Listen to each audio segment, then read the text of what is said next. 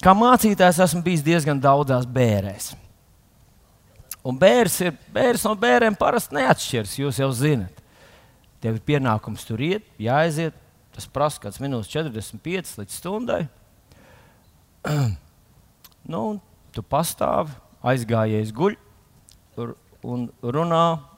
runā nu, mācītājs parasti, vai kāds, kas viņu izvada, vai kas savādāk. Bet viens bērns bija īpašs. Un tās bija īpaši ar to, ka tas aizgājies bija atstājis man lapiņu ar, ar tekstu, ko viņš gribēja, lai es pasaku tur. Nu, lūk, un vienā no tādām bērniem, vienā no tādām bērniem, es saku, un tagad es nolasīšu tos vārdus, kurus aizgājējis grib, lai es jums pasaku. Un tad viņš sāk ar to, man sieviņai, tu esi bijis labākais, kas ar mani ir noticis. Un šobrīd, kad tu klausies manus vārdus, es stāvu rindā, lai personīgi pateiktos mūsu debesu tēvam par to, ka viņš man tevi ir devis.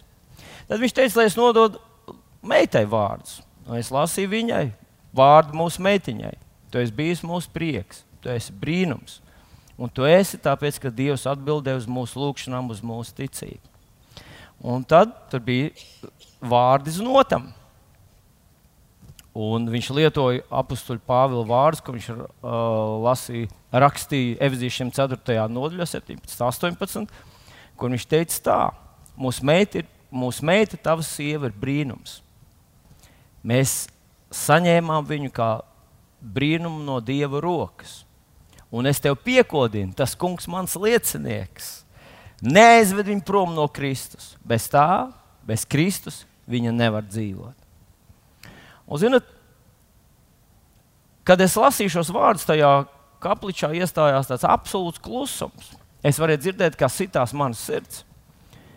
Un man nāca prātā tāds domas, ka sirds, kura vairs nesitās, kur vairs nepukstēja, atstāja vārdus, kas lika pukstēt citu sirdīm. Jo tie cilvēki, kas saņēma šos vārdus, viņi tos uztvēra ar tādu milzīgu pārsteigumu, ar milzīgu atbildības sajūtu.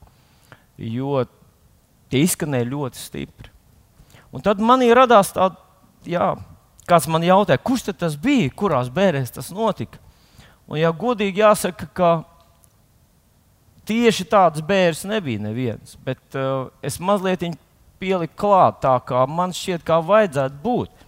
Man šķiet, ka ticīgam cilvēkam nevajadzētu aiziet mūžībā bez tā, ka viņš neatstāja kādus paliekošus. Uh, norādes, kaut kādus pēdējos vārdus no savas dzīves, no tā, ko viņš šajā dzīvē ir piedzīvojis un kas viņam ir svarīgi. Šī situācija man nāca prātā, kad es lasīju Jozos grāmatu. Jozos grāmatā lasīju notikumu par Ākanu. Vai Ākanu, kā mēs lasām vienkārši. Un tad es ieraudzīju šo Ākanu situāciju līdzīgu kā cilvēku, kurš savā dzīvē pieļāva kaut kādas lielas kļūdas. Un tad uzrakstīja ar savām asinīm šo mācību. Lūdzu, neiet pa šo ceļu, neiek, neuzkāpiet uz šiem grābekļiem, uz kuriem es uzkāpu, jo sekas ir smagas. Kā jūs zinat, Ākans izdarīja vairākas kļūdas, trīs gabals. Par pirmo no tām mēs uh, runājām iepriekšējā svētdienā. Šodien es gribētu parunāt par otro. Bet, uh, Viņa kļūdas viņam maksāja viņa paša dzīvību, viņa bērnu dzīvību, viņa dzīves draugu dzīvību un viss viņa īpašums. Viss tika iznīcināts. Lai gan savas dzīves beigās viņš nožēloja, viņš izsūdzēja savus grēkus un deva dievam godu, labot vairs tur neko nevarēja. Un viņš, es redzu, ka viņš atstāja tos kā tādus pēdējos vārdus mums ar tevi, kas vēl šodien pieņemam savus lēmumus, kas dzīvojam savu dzīvi un kas varam neizdarīt tādas liktenīgas kļūdas, kādas izdarīja viņš. Un kāpēc Ākans? Ākans, kāpēc? Vispirms es esmu pamanījis, ka Bībelē ir vairākas vārdi, kas piedzīvo kaut kādas transformācijas, transformācijas gadu gaitā, gadu tūkstošu gaitā. Nu, piemēram, tā, ko mēs saucam par Mariju Magdalēnu, īstenībā bija Marija no Magdalas. Un tas, ko mēs saucam par Pēteri, īstenībā viņa vārds bija Sīmans, Jāņa dēls. Jēzus viņu nosauc par kēfa ebreju valodā, kas ir akmens. tā kā jaunā derība bija uzrakstīta grieķu valodā 90%, tad tur tika lietots grieķu vārdiņš Petros, kas ir akmens, grieķu valodā. Mēs netulkojām to uz akmeni, jo tad mums būtu jāsaka tā, un tad akmens. Uh, pirmā akmens, 2,24. Viņš uznes mūsu grēku savā miesā pie stūra. Bet mēs palikām pie Pētera. Mēs latviskojām to grieķu vārdu Pēters un padarījām to par latviešu vārdu. Nu, šodien mums liekas, Pēters tas ir latviešu puisis. Lai gan tas ir grieķu vārds. Un tāpēc man ir radās tas, eh, protams, arī Rabīns Zāles, kuru tikai, tikai apstuļu darbu 13. nodaļā sāk saukt par Pāvilu. Arī ir piemērs tam, ka vārdi druskuļi transformējās gadu gaitā. Un man radās tāda aizdoma, ka vai tikai tas ākans nav A vārda, uh, viņa vārda iniciāls, un pēc tam uzvārds pielikts vārds Kans. Es pie sevis sāku domāt, ka varbūt ka tur ir kauns, tas ne, ne, ne, nebalsīgais līdzskats pazudis, bet domāju, ne tik tālu nevar iet. Paliksim pie tiem pašiem burtiem. Un tā man izveidojās, kas tad ir Ākans. Varbūt viņš bija Andrejs, Andris, Augusts, Aivars, Andrijs, Arvīts. Uh, izrādās, ir ļoti daudz vārdu. ļoti daudz vārdu latviešu valodā, kas sākās ar A. Un beigās man kāds pajautāja, vai nevar būt Jānis. Es teicu, protams, ka varbūt Jānis, jo um, nu, Latvijā tas ir Bībeles vārds. Jānis ir Bībeles vārds, un latviešiem arī ļoti populārs vārds. Un katrs otrais vīrs Latvijā ir Jānis. Ja tu autobusā nostāsies beigās un pasauks Jāni, tad redzēsi, ka trešdaļa autobusa viss pagriezīsies atpakaļ un skatīsies tevi, ko tu gribi no manis. Tātad tas var būt arī, tas var būt arī Jānis. Trīs lietas, kuras Ākāns mums ir uzrakstījis, atstājis, lai mēs tajās uzticētos. Un ko tad viņš izdarīja nepareizi? Mēs, uh, mēs lasām to uh, Jozos vēstulītē, uh, 7. nodaļā, 21. pantā. Es izlasīšu Jozos 7, 21.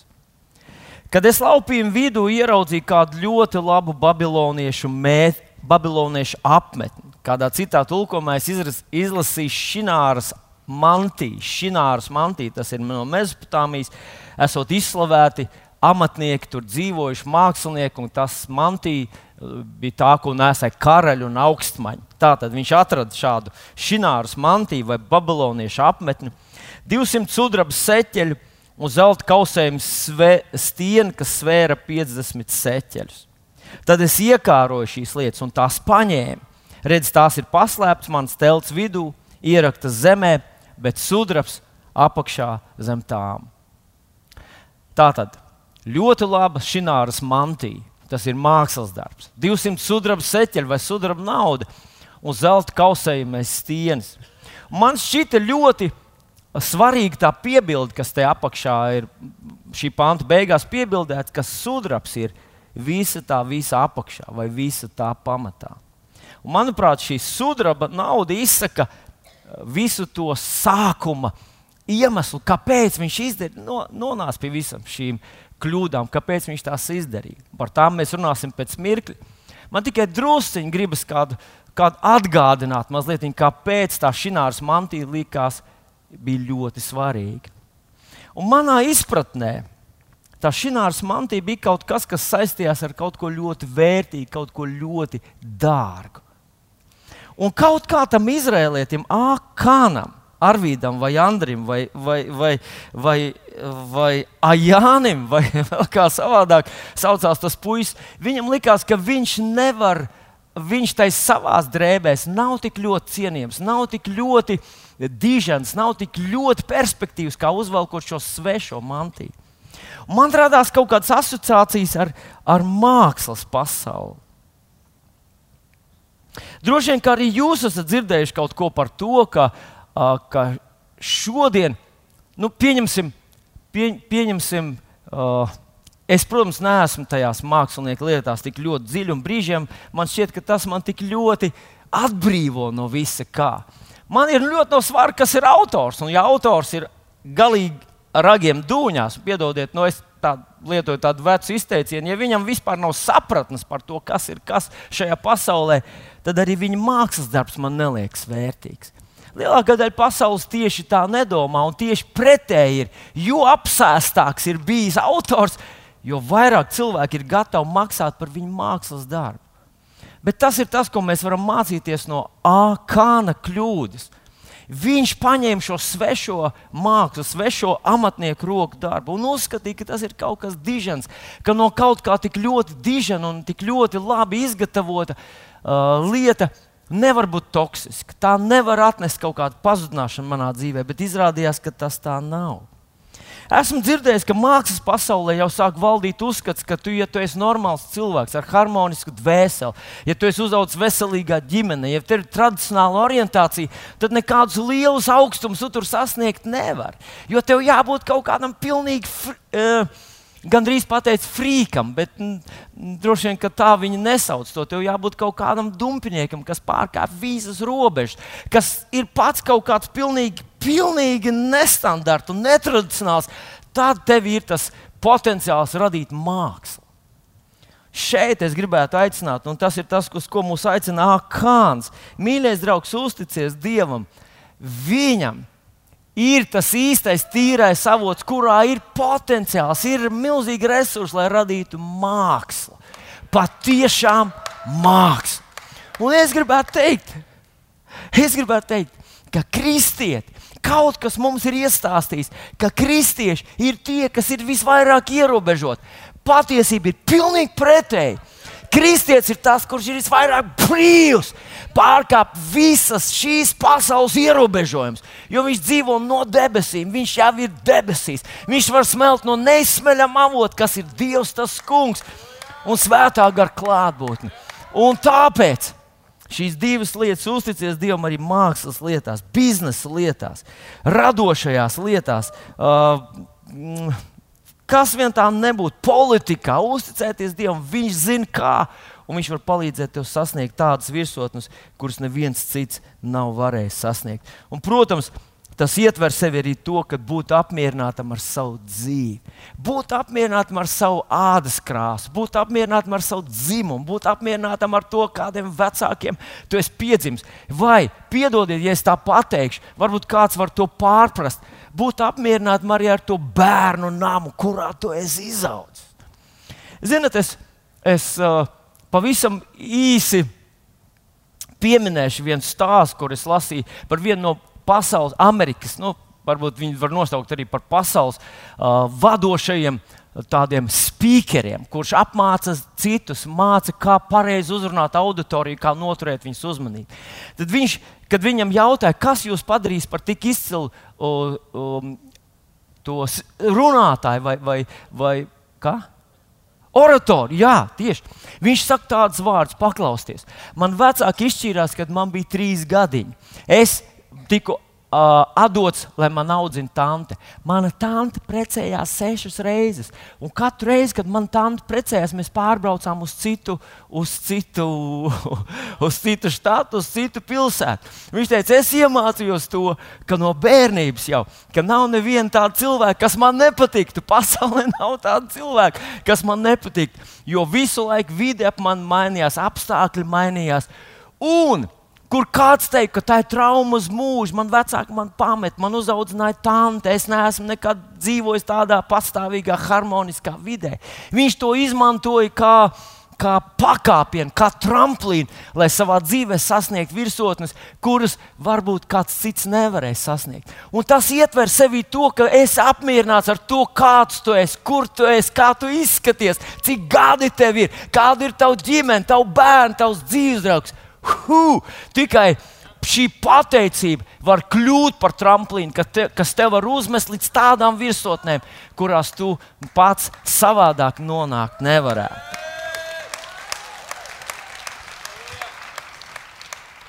Tas bija tas, ko Akāns gribēja, lai tu zinātu par šināras mantiju. Un tu vari noklausīties iepriekšējo dievkalpojumu. Tiešām tic, ka tur ir katrai dvēselē un katram dzīves uh, situācijai ir vārds. Bet, nu, Šodien mēs gribam runāt par, par sudraba naudu, par 200 sudraba seķeļiem. Tie bija, tie bija uh, drusku vairāk kā 2 kg sudraba.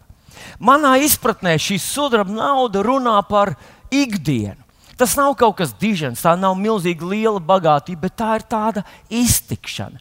Un es gribētu apgalvot, ka Akāns paņēma šo sudraba naudu baiļu dēļ. Nu, kādas bailes viņam varēja būt? Viņam bija gluži parastas bailes par savu dzīvi. Un tāds kāds mums ar tevi ir ļoti pazīstams. Nu, paskaties uz to situāciju. Akāns atradās tautā, kas ir uh, vēsturnieks, saka, no 3 līdz 5 miljonu cilvēku. Viņiem bija viens līderis, Mozus. Un Mozus viņam teica, ka Dievs mūs ved uz apsolīto zemi, Viņš par mums parūpēsies. Mozus stāstīja par Dieva apsolījumiem. Gluži tāpat kā mēs ar tevi, kad mēs šodien lasām Bībeli. To ir uzrakstījis liela uh, sākuma daļa, ir uzrakstījis Mozus, bet tad to ir uzrakstījis kādi īpaši cilvēki. Un Akāns pie sevis domāja, es un Mozus, starp mums ir milzīga atšķirība. Es esmu parasts cilvēks. Viņš ir uzaugusi galmā, viņš ir trenēts kā ķēniņš, viņš ir sastapis dievu. Mūzus vispār viņš bija nu, neparasts cilvēks. Viņš bija absolūti, absolūti dīvains cilvēks. Viņš zināja visas piecas mūzes grāmatas no galvas. Viņš tās uzrakstīja. Ākans neko nebija uzrakstījis. Viņš iespējams zināja tikai Jāņa 3.16 un Jānis 3.17. Tas jau nu, ir to viņš brīžam aizmirst šīs vietas. Viņš varbūt atradās šādas lielas draudzes vidū, gluži kā tu varbūt sēdi tur 5, 7 rindā, un tu skaties uz maniem un domā, o, kas nekaiš tam. Viņš zina visu Bībeli no galvas. Nu, tas ir ļoti pārspīlēti, ļoti gribētu, lai visi tā domā, bet tā nav patiesība. Nu, un, un tu arī domā, nu, nu, Un te man gribas, es tā vienā brīdī domāju, vai Akāns baidījās par mūzu, ka mūzis neies apsolītā zemē. Un es esmu pārliecināts, ka viņš vispār nebaidījās par mūzu. Tieši tāpat kā tu vispār nebaidies par mani, vai ne? Tu nebaidies, ka Dievs mani dziedinās. Skaidra lieta. Dievs viņu svētīs, Dievs viņu paēdinās, Dievs viņu aizvedīs. Bet vai viņš to izdarīs ar tevi? Vai tu vispār tajā iedaries šajā sistēmā. Vai tad tu zini, Jāņa, 1. Jāņa 4, 18, tu zini no galvas? Un 3. Jāņa 4, jā, 3. Jāņa 4, 17, tu zini no galvas? Tu teiksi, tur viena nodaļa, nu redzi? Tieši tā. Viņam bija tāds gluži parasts bailes. Vai, vai tiešām viņš ir adekvāts? Un tad viņš paskatījās apkārt uz saviem tautiešiem, kas visi bija aktīvāki un piedodies, lietošu tādu tautas žargonu, bet tiešām tā kādreiz liekas. Tu paskaties apkārt, ir cilvēki, kas ir vairāk izsalkuši, ātrāk, badīgāki. Un tad tu domā, vai tu spēsi ieiet tajā apsolītajā zemē, un starp trīs miljoniem ģimeņu, vai tavu ģimeni tiešām dabūs to tavu zemi, vai tu tik tālu aiziesi? Jo Visus šos 40 gadus viņi redzēja nāvi, pa labi un pa kreisi. Iedomājieties, ka tu esi mājas grupā, kurā ir 30 cilvēki. Un visas tās, tās, tās nu, nu, cik ilgi tu esi mājas grupā? Teiksim, desmit gadus. Tu esi tāds stabils mājas grupas. Visus šos desmit gadu laikā katru mēnesi kāds nomirst no tavas mājas grupas. Un mājas grupas vadītājs visu laiku saka, bet Dievs mūs ar tevi vēd mūsu labākās dienas priekšā. Un tad viņš saka, nu, šonadēļ nomira mm, tas un tas. Un tās doma, tā doma, ka varbūt tu esi nākošais, kam jāmirst. Varbūt tu esi tas, kurš, kuram nav lemts aiziet. Varbūt tu esi tas, kurš tā īsti nevar atcerēties tos pantiņus, nevar visu atcerēties, nevar saprast visas šīs dziļumus. Varbūt, Tu dzīvo parastu dzīvi. Un, zinot, mīļie draugi, starp citu, es tā pie sevis padomāju, viņš taču ir 40 gadus tuksnesī ar Dievu. Wow. Viņam dabīgi varēja rasties bailes. Mums runā visu laiku par apsolīto zemi. Tūkstnešs kad mēs svinējam 10 gadu jubileju, 20 gadu jubileju, 30 gadu jubileju. Nu, man ir jubileja kā Arvīdam, 40 gadu vēl aizvien tūkstoši. Halleluja! Uh, uh, uh, happy birthday to you! 40 gadus jau mēs esam tūkstoši. Un varēja rasties tāds bailes. Un tāds, nu, jūs zināt, kas ir interesanti, ka bailes, cik arī tas neliktos paradoxāli, viņas melo neviens tev tā nemelo kā tavas bailes. Bailes vienmēr melo, viņas ir tik labas melas kā velns. Bet viņas izklausās tik ļoti, ļoti loģiskas. Jūs zināt, interesanti, otrā ķēniņa grāmatā, 7. nodaļā, ir tāds stāsts par aplenktu Jeruzalemi, un, un, un ķēniņš ir aplenkts tur tajā vispār bats ir liels tajā pilsētā, un tad atnāk pravietis un saka, rīt no rīta rīt no rīta um, kilograms maizes maksās tikai 50 um, centus. 50 centus šodien tas maksā ekvivalentu zeltā. Kilograms maizes ir kilograms zelta, bet rīt tas būs 50 centi. Un pravietis tā saka. Un tad ķēniņam ir padomdevējs, tur rakstīts, ka uh, virsnieks, uz kur ķēniņš atspiedās, tas, tas kurš nu, iečukstēja ausī vienmēr ķēniņš. Un tas virsnieks saka tā. Pat ja Dievs atvērtu logus debesīs, pat ja Dievs iespringtu un saspringtu un tiešām beidzot kaut ko darītu, tas nav iespējams. Un tas izklausās loģiski, pareizi. Nu, kur viņš bija visu laiku? Kāpēc mēs esam tur, kur mēs esam? Kāpēc ir tāds bats? Kur tad? Kur, kur, kur, Halo! Paskaties uz situāciju. Un tad Elīze viņam saka, nu, paldies tev par tavu padomu. Tavs acis to redzēs, bet tu nepagaršos no tās maizes. Un zinot ko? Ļoti līdzīga situācija ir Akānam. Viņam arī radās šīs bailes par to, vai, vai tiešām tas attiecas uz mani. Bet mūsu situācijā, paklausieties, viņa laikā tas vēl nebija uzrakstīts. Mūsu situācijā tas uzrakstīts pirms 3,5 tūkstošu gadiem. Nu, es runāju par vecās derību, veco derību. 3,5 tūkstošu gadiem. Vai tiešām tas, kas uzrakstīts pirms 2000 un 3,5 tūkstošu gadiem, var attiekties uz mani? Es dzīvoju 21. gadsimtā, Rīgā, 68. rindā, draudzē. Un es, uh, ar mokām var atcerēties trīs pantus no Bībeles. Un, un tad arī tikai atceros Ziemassvētkos, kad pieglīts jāstāv un kaut kas jāsaka. Vai man mājas grupā uztic kaut ko tādu, drudžaini. Nu, nav neviens mums vidū tāds, bet tā var rasties tāds sajūta. Vai tiešām tas attiecās arī uz mani? Ja tu nedaudz zini par Dievu, ja tu nedaudz zini par Dievu, tad tu zini, ka viņš savu vārdu uzrakstīja no perfektas zināšanas. Viņš nevis vienkārši iekala pieminekli vārdus, un tad mēģina pielāgot savai dzīvei, bet viņš zināja tevi, viņš zināja tavu situāciju, viņš zināja, kā tu izskatīsies, viņš zināja matu, cik tev uz galvas būs šogad un cik būs nākošais gads. Viņš zināja tavus gēnus, viņš zināja, cik tev ir zobi, viņš zināja visu tavus asins analīžu uh, rezultātus, viņš visu to zināja, un no šīs savas zināšanas viņš uzrakstīja tos vārdus, tie attiecās viens pret vienu, tev un man. Un zinot ko? Mums tas ir sevi pa laikam jāatgādina, ka mēs tiešām varam uzticēties Dievam. Mēs tiešām varam paļauties uz Viņu. Un tas ir ākāna vārdi tev. Pat ja tev liekas, ka tu esi ārpus konteksta, ka tu neesi iekļauts, ka tu neesi adekvāts, tu neesi tas cilvēks, kurš sasniegs to.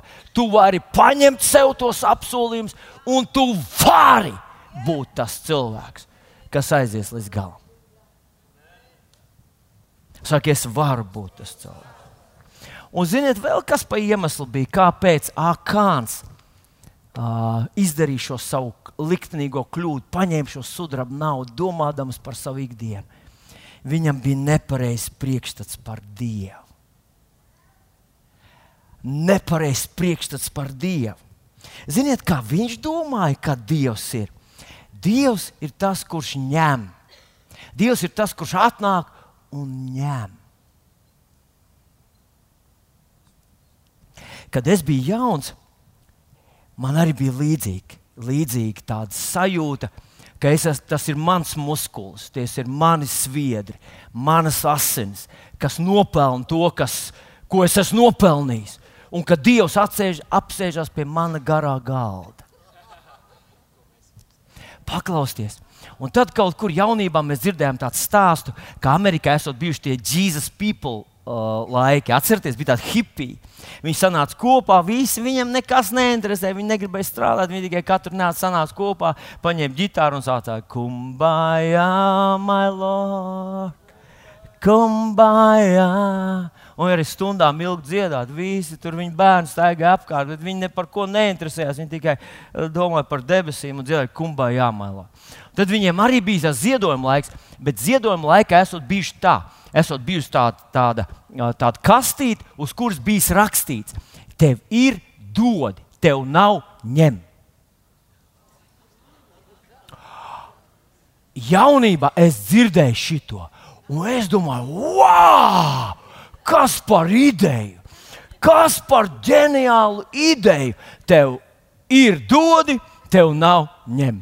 Un tā ir iedomājies, ka vajadzētu sēdināt cilvēku tajā sektorā, 6 miljonāri. Un šeit visi normāli cilvēki. Miljonāram ir viņš dod, un tad mēs visi garā rinda, mēs visi paņemam. Jo mums nav. Un, zinot, es nebiju skops. Galīgi nē, taisnība otrādi Dievs bija dziedinājis man no reimatisma. Un, un es to apzinājos, kā es varēju, man dzīve varēja iet pilnīgi ap, citā virzienā. Bet Dievs to bija izdarījis. Dievs bija daudz manā dzīvē darījis labas lietas, un es no visas sirds mīlēju Dievu bet man bija tā sajūta, kāda bija arī Jākānam, ka man ir mana sieviete, viņa toreiz audzināja mans bērns. Viņa, viņa, nu, jūs zināt, ko sievietes mājās dara. Ja? Jā, divi bērni, trešais vēl puncī. Viņi apsēžās, iedzer kafiju no rīta, iziet ārā, jā, pasauļos. Nu, nu, Un tad tev atstāja mazos uz vienu stundu. Viņa saka, es aizskriešu no pāri ielai, nokārtot kaut ko. Un pēc stundas tev jau mats stāv gaisā, un, un, un tu gribi skriet uz savu darbu, atpūsties mazliet. Nē, nē, nē man, man, es nevaru palikt, ja man, jā, jo, man tur jau savā tur avārija. Un tu skrien uz, uz turieni, jo nu, stunda ar saviem bērniem ir ļoti, ļoti grūta. Tā, tāda bija tā. tā iespējams, ka jums tā nav, bet nu, man tā bija. Nu, lūk, un tu skaidro Dievam, man ir sieva sēž pie galda, man ir divi bērni, trešais būs, mums vajag ratus mainīt, tie ir nodiluši, mums vajag tur vēl visu kaut ko, un tad parādījušies pamperi vairs, nevar mazgāt, kā mēs agrāk mazgājām. Nu, un tad tu domā, tev jāmaksā par elektrību, tev jāmaksā par benzīnu, tev jāmaksā par, par nu, nodokļu, kam vēl jāmaksā? Par televīziju. Toreiz bija par brīvu televīziju. Nu, nu viss vēl jāēd. Un tad tu domā pie tava garā galda, kas tev ar savām asinīm, ar saviem sviedriem ir jāsakasa. Vēl atnāk arī Dievs apsēžās. Un viņš arī saka, un zinat ko? Man tiešām man nebija žēl. Man vienīgi bija tā sajūta, ka Fāts, nu, es atceros, man bija tāds viens mēnesis, kad viens no maniem, mēs bijām trīs eh, iestādītāji, un kad viens saslima, tad pārējie divi berzēja rokas, jo viņa augta daļa uz pusē. Un zinat ko? Un gadījās tā, saslim viens no maniem pāriniekiem. Viņa alga tātad nāca viena puse no viņa algas, nāca man klāt, tad bija atvaļinājuma nauda, un tas čungurs mēnesis beigās bija pamatīgs. Un es atceros, es iedevu nu, desmito, viss mēs to centāmies no, no, no jau jaunības darīt. Bet man bija tā, kā es tā gribēju nu, teikt Dievam, ka es gribētu ietaupīt, lai viņš tā taupīgi izmanto mans līdzekļus. Jo man bija sajūta, ka nākošā mēnesī es vairs nespēšu tik daudz sakasīt.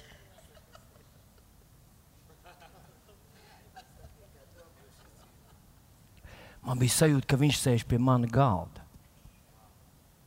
Un bez tam mēs esam tuksnesī.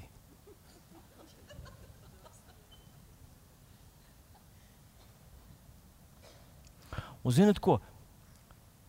Es nebiju, nebiju padomājis, ka kopš es pieņēmu jēzu par savu kungu, nu es runāju par ākānu vārdiem, ka jā, es esmu tuksnesī, bet es vairs neesmu vergs. Manā dzīvē bija sliktāks laiks, kad man lika taisīt ķieģeļus, kad man, es nevarēju apsēsties, kad gribēju apsēsties, nevarēju pagulēt, kad gribēju pagulēt, nevarēju ēst, kad gribēju ēst. Es nebiju tūkstnesī, es biju Eģiptē. Man pavēlēja taisīt ķieģeļus, man pavēlēja nogalināt mans bērns un tā tālāk. Nu, es runāju par, par ākānu gadījumu. Tagad tu esi tūkstnesī, tu esi tūkstnesī. Bet tā ir pamatīgs solis augšu. Vēl vairāk. Viņš, kas bija vergs, viņam nebija nekādas tiesības, tagad viņam ir. Kas viņu izpirka no verdzības? Tas bija Dievs, tas kungs. Kas viņam deva mākoni karstajā 40, 50 grādu saulē, kas virs viņš visu laiku staigāja ēnā. Tas nebija kāds arābs, kas viņam visu laiku nu, turēja kaut kādu lietu. Tas bija Dievs, tas kungs. Naktī viņš gaismoja, uguns stāps viņam bija. Dievs viņus ēdināja 40 gadus, viņš ēdināja viņus ar mannu tuksnesī un dzirdināja no klints. Dievs viņus apģērba Eģiptē, uz ko viņiem pašiem nebūtu ne drosmes, ne izdomas, nekā. Īstenībā, Akāna gadījumā bija tā, ka viņš sēdēja pie dieva galda, nevis dievs pie viņa galda. Un zinat ko? Uh, šī, šī sajūta vai šī doma par to, ka Dievs sēž pie mana galda, šī nepareizā koncepcija par Dievu ietekmē, ietekmē cilvēku, ietekmē to, kam viņš tic. Man, man liekas, tas bija otrā pētera vēstulē, pirmajā nodaļā, trešais pāns. Tur rakstīts, tā mums jau viņa dievišķais spēks ir dāvinājis visu, kas vajadzīgs, lai mēs dzīvotu un kalpotu. Bet tur nebeidzās. Tur rakstīts, mums jau viņa dievišķais spēks ir dāvinājis visu, lai mēs dzīvotu un kalpotu tā atziņā, kas mūs ir aicinājis no tumsa savā brīnišķīgajā gaismā. Ziniet, tas nozīmē, ka tava koncepcija par Dievu ietekmē to, kā tu kalpo un ietekmē to, kā tu dzīvo. Tava koncepcija par Dievu ietekmē tavu ticību. Un Jēzus jau mums parādīja, ka Viņš nevar mūs aizvest tālāk par mūsu ticību. Viņš teica, lai tev notiek pēc tavas ticības. Un tā kā es rēķinājos ar saviem spēkiem, es rēķinājos ar to, ko mans sviedri, mans muskulis un manas asins var sakasīt. Man būs tikai tas, un tad no tā man gabaliņš ir jādod Dievam. Tas ietekmē manu spēku, manu spējas, ietekmē manu spēju šajā pasaulē vispār uh, uzvarēt. Tikko es pamainīju to un ieraudzīju, ka es sēžu pie viņa galda, nevis viņš pie manējā. Tas izmainīja visu. Un tad man nāk prātā, un es atceros tos vārdus, kurus Dārvids sacīja. Un Dārvids, viņa koncepcija bija pilnīgi savādāka. Paskatieties, pirmā laika grāmatā, 29. nodaļa, 11. un 12. pāns. Tas 11. pāns es viņu nolasīšu, un pēc tam paskatīsimies uz 12. Paklausies, kā ķēniņš Dārvids, vīrs pēc dieva sirds, kāda bija viņa koncepcija. Viņš saka tā, jo tev, kungs, pieder augstība un vara, godība, slava un varenība. It viss, kas ir debesīs un virs zemes, tas pieder tev. Tava ir kungs valstība, tu pats lies kā galva pāri visam. Un paskaties 12. pānta.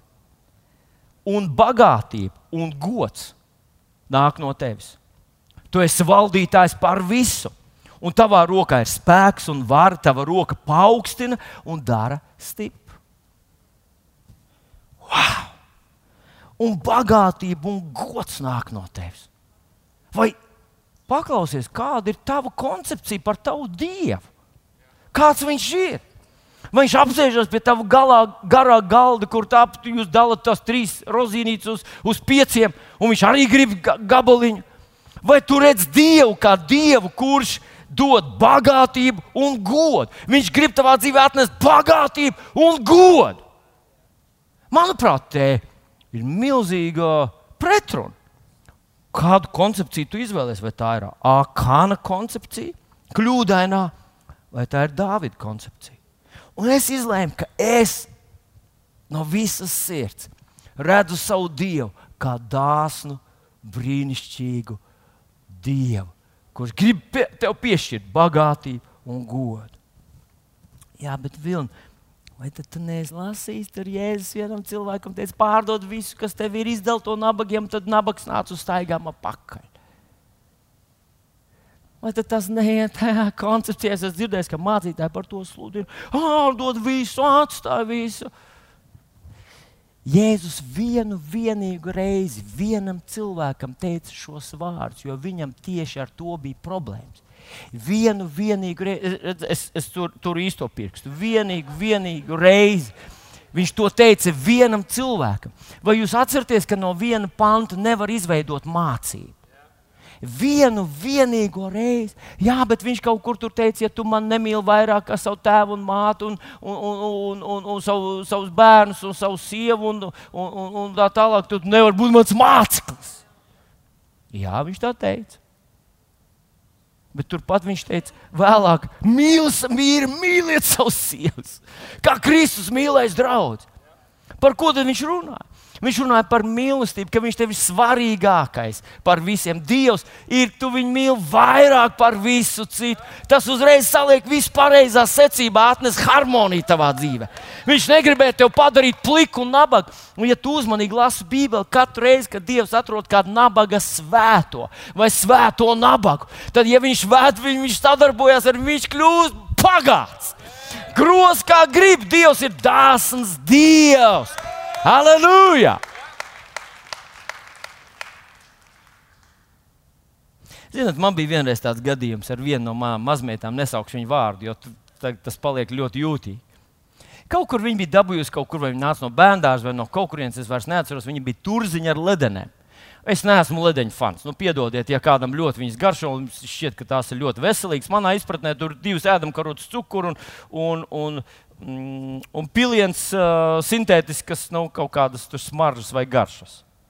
Un viņai vesela turziņus, un es skatos uz to bērnu. Es domāju, ka Dievs viņai tādā nosūkās visas tās, tās konfekts, kas ar viņas zobiņiem mazajiem notiks. Un man uzreiz, es jau izdomāju, ziniet, nu visu uz priekšu. Un es piesēju, domāju, kā lai viņi atbrīvo tā viltīgi no tām turziņām. Viņi turēja viņu tik cieti to turziņu rokā un lepojās ar tām turziņām. Man radās tāds viltīgs plāns. Es teicu, vai tā opim iedos vienu kompeti? Es gribēju visas atņemt viņai. Es viņas izmetu ārā uzreiz papīra kurvī, bet, bet eh, nu, tā bērna dēļ man viņas vispār ne. Un, zinat, to dramatisko pārmaiņu viņas sejā. Viņa tik priecīgi rādīja. Viņa droši vien izdarīs secinājumu, ja tev ir kompetence, nerādi upi. Tā kā mēs dažreiz domājam ar Dievu, tu saņem lielāku algu un sāc domāt, ne tikai neņem līdzi uz dievkalpojumu to. tikai neņem līdzi uz dievkalpojumu. Ja nu viņi teiks, pajautā svētam garam, cik tev jāziedo, viņš kā likums vienmēr saka, visu turzu met.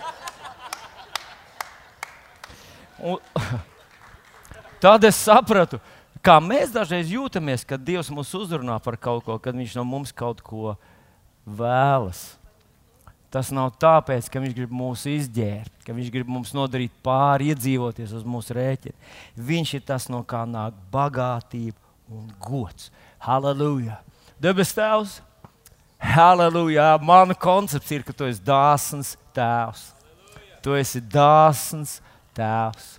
Paldies Tev! Paldies Tev, Kungs! Kas vēl neatbilst tam? Es šodien to visu gribu sakārtot. Mana koncepcija par Tevi, tu neesi Dievs, kas kas padara mani nabagāku, tu esi Dievs, kas padara mani bagātu. Jēzus vārdā. Bet paskatieties vēl vienu, Jēzus vispār tā ļoti ultimatīvi runā par to pašu.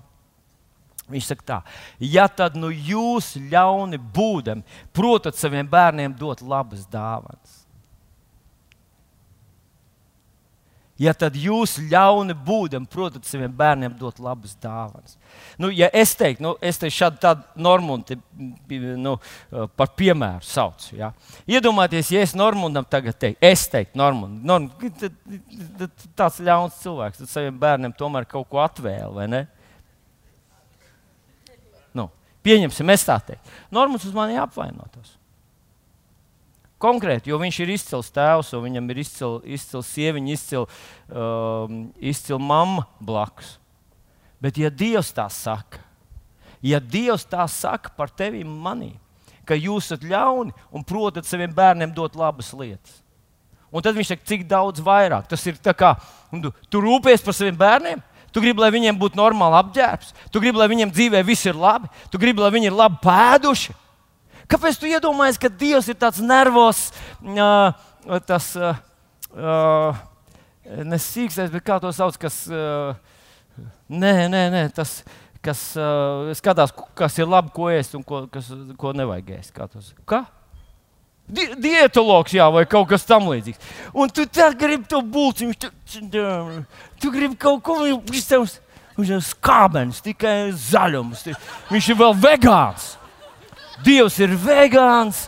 Un viņš teica, to nē, to nē, to tev nevajag, tev neko nevajag, tev neko nevajag. Elpas vai gaisa un slavē mani. Vai te jūs tā ar saviem bērniem tā darat? Nu, vai tā ir?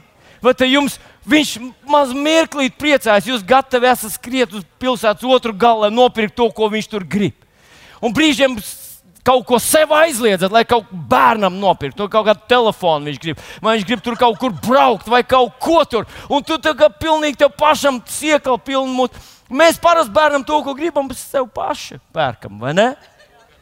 Kāpēc jūs iedomājaties, ka Dievs ir tāds nūģis, tāds viņš tāds, viņam nav nekāda emocija. Tikai tur tev nevajag, tur nevajag, tur neko nevajag. Tur neko. Kalpo man, lūdzu, gavēja, lasi Bībeli.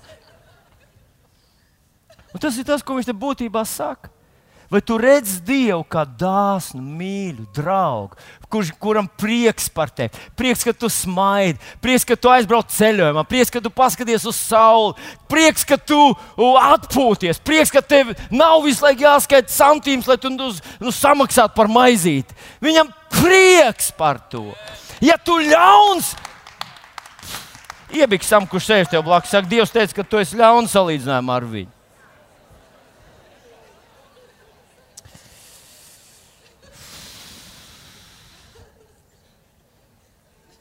Tavs koncepts par Dievu ietekmē tavu ticību.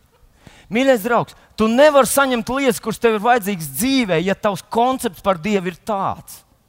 Ja tavs koncepts par Dievu, ka viņš ir garlaicīgs, tāds, viņš ir tāds nervos, uh, vegāns, dietologs, viņš visu laiku tas saka, tev to nevajag, tev to nevajag, tev to nevajag, tev to nevajag.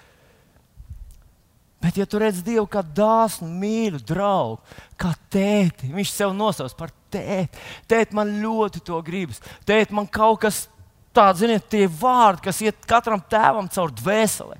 Tēti, jā, es zinu, man nu, tas varbūt nav īsti laiks, bet man ļoti to gribas. Un vecāka dvēselē tas sākās kaut kādas konkrētas lietas.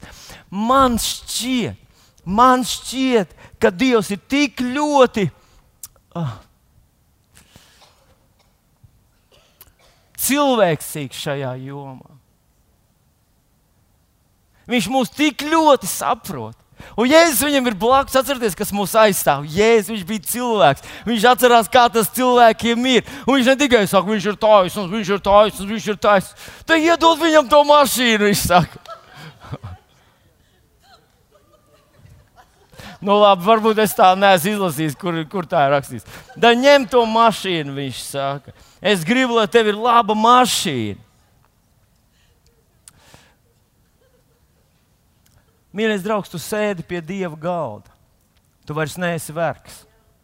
Un zini, ko viņš teica? Viena ļoti svarīga lieta, varbūt, ka tu šobrīd vēl neesi apsolītajā zemē, bet tā nav viņa vaina. Viņš tev ved uz to.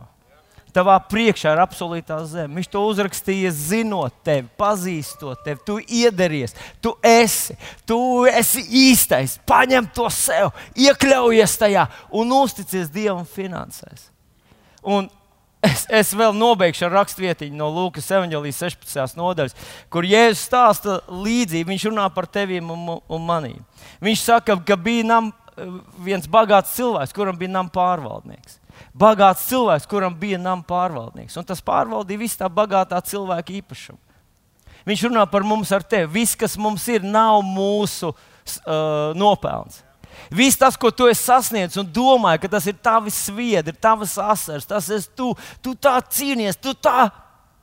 Ziniet, es tā paskatos atpakaļ uz savu dzīvi, un man jākonstatē, ka jā, es tiešām nopietni uztvēru visus tos izaicinājumus, kas man dzīvē bija. Es ne, nebiju veiksmīgs pateicoties man. Bija kāds, kuru es neredzēju, kāds, kuru varbūt es nekontrolēju, kādu, kuru es nespēju, nespēju mm, nu, kā lai pasakā, uh, iz, iz, izčekot, no, izsekot, kā viņš darbojas. Bet vienmēr bija kāds man aiz muguras, kas pagriez tās durvis, pagriez slēdz, atvēra to īsto, īstajā brīdī īsto lietu. Un, un es gribētu droši apgalvot, ka tavu sasniegumu nav tavi. Nē, es tik turedzīgs, nē, es tik augstprātīgs, lai teiktu, ka tu pats ar sevi to visu sasniedz. Tā tas nav un nevar būt. Jo šajā pasaulē viens traks suns vēlams staigā apkārt. Viņš tevi ir pasargājis no maitātāja, tas pagāja garām. Viņš tevi izved cauri tūkstnesim, viņš tevi izved no verdzības, viņš ved tevi uz labākiem laikiem.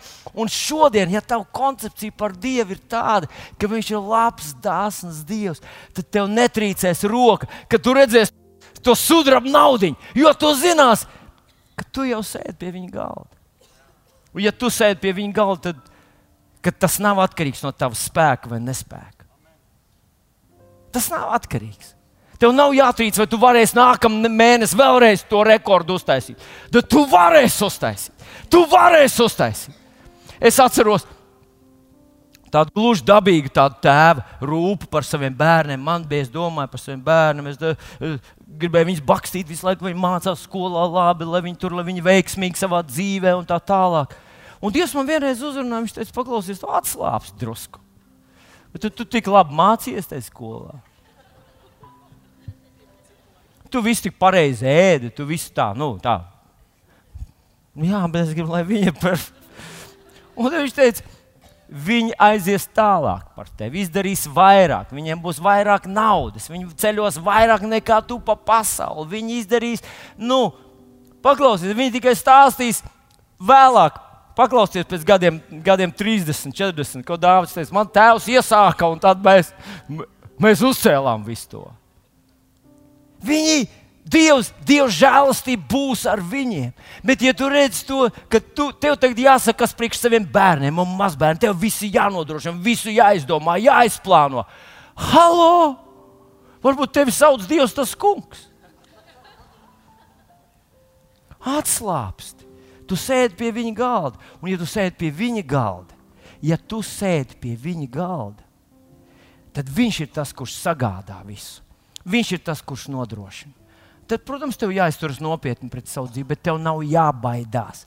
Bailes vairs nav tavs padomu devējs. Tam ķēniņam vajadzēja teikt, jo, Haidī, es skaidri saprotu, tevis dēļ mēs esam iekūlušies tur, kur esam iekūlušies. Atcerieties, ķēniņš, kuram padomu devējs teica, pat ja Dievs iespringt, viņš to nevar izdarīt. Tad paiet es pats stāvēšu. Te. Un nevajag ne pret vienu atbalstīties vairs. Ja tevi balsta bailes, bailes par rītdienu, bailes par to, vai tu varēsi, bailes, vai tev izdosies, vai starp šiem trim miljoniem tu dabūsi to savas svētības daļu.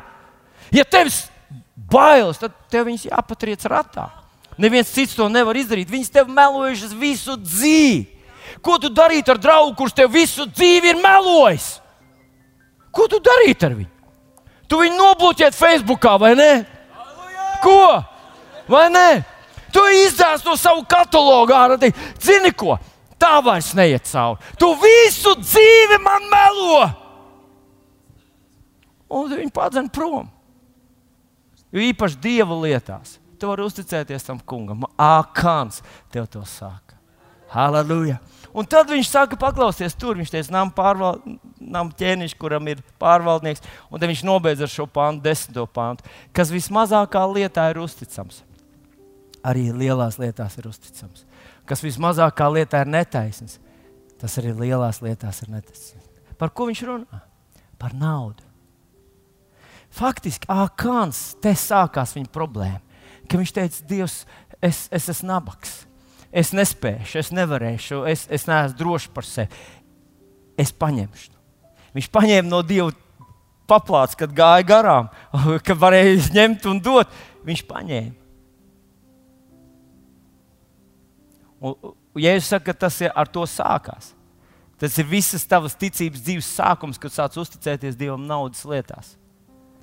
Tu saki, es ticu par dziedināšanu. Ja tu neuztic Dievam finanses, kas ir mazākā lieta, tu viņu izies ārā par kafiju, maksās ar naudu, par desu ar naudu, par maizi ar naudu, par elektrību ar naudu, par degvielu ar naudu. Tu visur, kur atdod naudu, droši. Un tad tu atnāc pie Dieva un tev rociņš sažņaudzās. Un tas nav pareizi. Viņš saka, īstenībā tu nespēji ticēt par lielām lietām, ja tu nespēji uzticēties Dievam mazās lietās. Jūs zināt, tas ir paradoxāli. Cilvēki saka, man dvēsele ir debesīs, es uzticos Jēzum, jā, es ticu Dievam. Bet naudas lietās viņi to tur tik tur ne jau Dievam. Ne jau Dievam. Dievam nevar uzticēt naudu. Un faktiski, vi, vi, viņš te faktiski saka, tu nevari ticēt par lielām lietām. Un Ākans, tā bija viņa, visa viņa problēma sākums.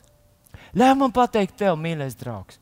Faktiski, kad tu atnāc un pieņem jēzu par savu kungu, pirmā nodarbība vajadzēja būt par pestīšanu, otrai vajadzētu būt par ūdenskristību, un trešai vajadzētu būt uzticies Dievam naudas lietās. T tie ir paši sākumi. Tie ir paši, paši sākumi. Ja tu uzticies mazās lietās, ja tu vari pacelt kilogramu, tu varēsi pacelt desmit kilogramu. Ja tu nevari pacelt kilogramu, kāpēc tu pasūti 50 kg svaru? Kāpēc tu pasūti 100 kg stieni, ja tu nevari vienu kilogramu pacelt? Un tas viens kilograms, tas sākums ir uzticēties Dievam finansēs, atdot viņam ticībā, mīlestībā, jo tu taču esi, tu ēd no viņa galda. Tu sēdi pie viņa galda. Viņš ir tavs dāsnais, labais, mīļais debes tēvs, kuram prieks par tavu labklājību. Halleluja! Jā. Mēs sēžam pie Dieva galda. Tas kungs ir iekārtojis arī, ka mēs pieminam tādu uh, vakarēdienu. Mēs baudām to kā vakarēdienu, un mēs, mēs uh, redzam tajā, ka Jēzus to nodrošināja. Viņš deva mums savu miesu, un viņš deva mums šo svētības biķeri. Un tas ir kaut kas, ko mēs nevaram nodrošināt. Mēs nevaram to sagādāt, mēs varam to vienkārši baudīt. Un mēs to darīsim arī šodien. Es gribētu, lai tu piecelies kājās. Mēs kādu mirkli būsim Dievu priekšā, bet pirms tam pateiksim lūgšanu. Nu, es lūdzu, lai tu man pievienojies. Pasaki, debes Tēvs, paldies Tev, ka Tu esi tas, no kā nāk bagātība un gods. Un ja es ļauns būdams, salīdzinot ar Tevi, protu darīt labas lietas prot saviem bērniem dot labas lietas. Cik daudz vairāk to dari tu? Es tev godinu, kungs. Es pielūdzu tevi. Es pateicos, ka sēž pie tava galda, ka tur nekad nebūs trūkuma, tur nekad nebūs bada, tur nebūs apsīkuma, nebūs uh, gala, tas, nu, krīzes, jo tu to sagādā. Es uzticos tev visās lietās, un jo īpaši tik mazās, kā naudas lietas. Paldies, Tev, debes Tēvs! Es godinu un slavēju Tev no visas sirds.